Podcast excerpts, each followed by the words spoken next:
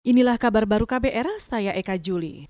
Kalangan pengusaha meminta pemerintah terus memerhatikan dan berpihak kepada pemberdayaan usaha mikro kecil menengah hingga mempercepat penyaluran jaring pengaman sosial kepada masyarakat.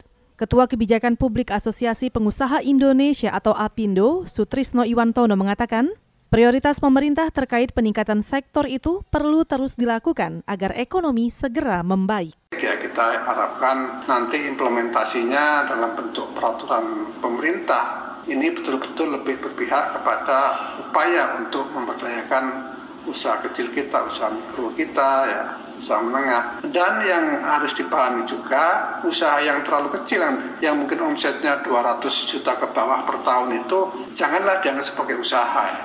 Sehingga mereka itu lebih cocok kalau dikategorikan di dalam kelompok social safety net. Ketua Kebijakan Publik Apindo Sutrisno Iwantono menambahkan, pendekatan kepada usaha kecil tak hanya sebatas ekonomi bisnis, namun pada upaya-upaya bantuan sosial kepada masyarakat yang mempunyai hak hidup layak. Kita ke Jawa Barat. Dua orang tenaga medis di Rumah Sakit Umum Daerah Gunung Jati, Cirebon, Jawa Barat meninggal setelah terkonfirmasi positif COVID-19. Satu di antaranya adalah R dalam kondisi hamil dan meninggal setelah melahirkan. Seorang lainnya, yakni TK, adalah Kepala Ruangan Penata Anestesi. Wali Kota Cirebon Nasruddin Aziz mengatakan TK tertular saat menangani pasien positif COVID-19. Dengan adanya sahabat kita, keluarga kita, kolega kita yang gugur dalam menangani COVID-19 ini, jangan menyurutkan semangat tenaga nakes kita, tenaga kesehatan kita. Jangan kendor. Justru kejadian ini harus memotivasi kita lebih tinggi lagi di dalam menangani COVID-19. Itu tadi Wali Kota Cirebon Nasruddin Aziz.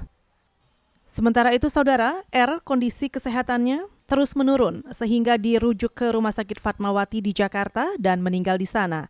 R sebelumnya dirawat intensif sejak Oktober karena dalam keadaan tidak stabil. Setelah menjalani tes swab, Anak ketiga almarhumah R dinyatakan negatif COVID dan dirawat pihak keluarga sebab suami R juga terkonfirmasi positif corona.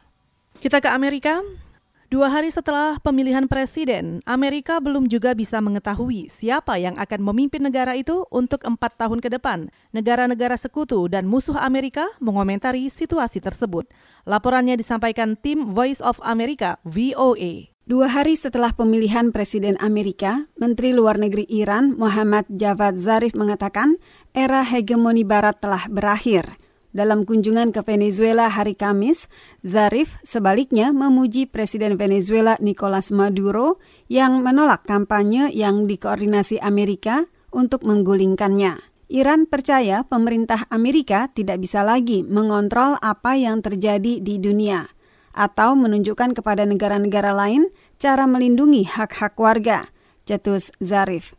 Iran telah menjadi sekutu utama Maduro karena pemerintahan otoriternya berhasil melewati sanksi keuangan yang melumpuhkan dan isolasi internasional.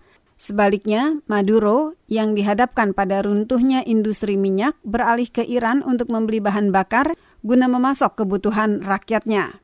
Sambil mencemooh, Maduro mengatakan ia mengikuti jalannya proses pemilu di Amerika. Sementara itu di Iran, Presiden Hasan Rohani mengatakan, siapa saja yang menjadi Presiden Amerika berikutnya, ia harus lunak kepada Iran. Ia menambahkan, Trump dengan kejam meningkatkan sanksi bahkan semasa pandemi virus corona. Di Moskow, juru bicara Presiden Rusia Vladimir Putin, Dmitry Peskov, hari Kamis mengatakan ketidakpastian dalam politik Amerika akan menuai konsekuensi negatif pada urusan dunia dan memengaruhi ekonomi global. Di Prancis, Menteri Luar Negeri Jean-Yves Le Drian hari Kamis mengatakan siapa pun yang memenangi pemilihan Presiden Amerika Eropa tidak akan kembali ke situasi sebelumnya di mana hubungan transatlantik berjalan baik. Karlina Amkas, VOA, Washington.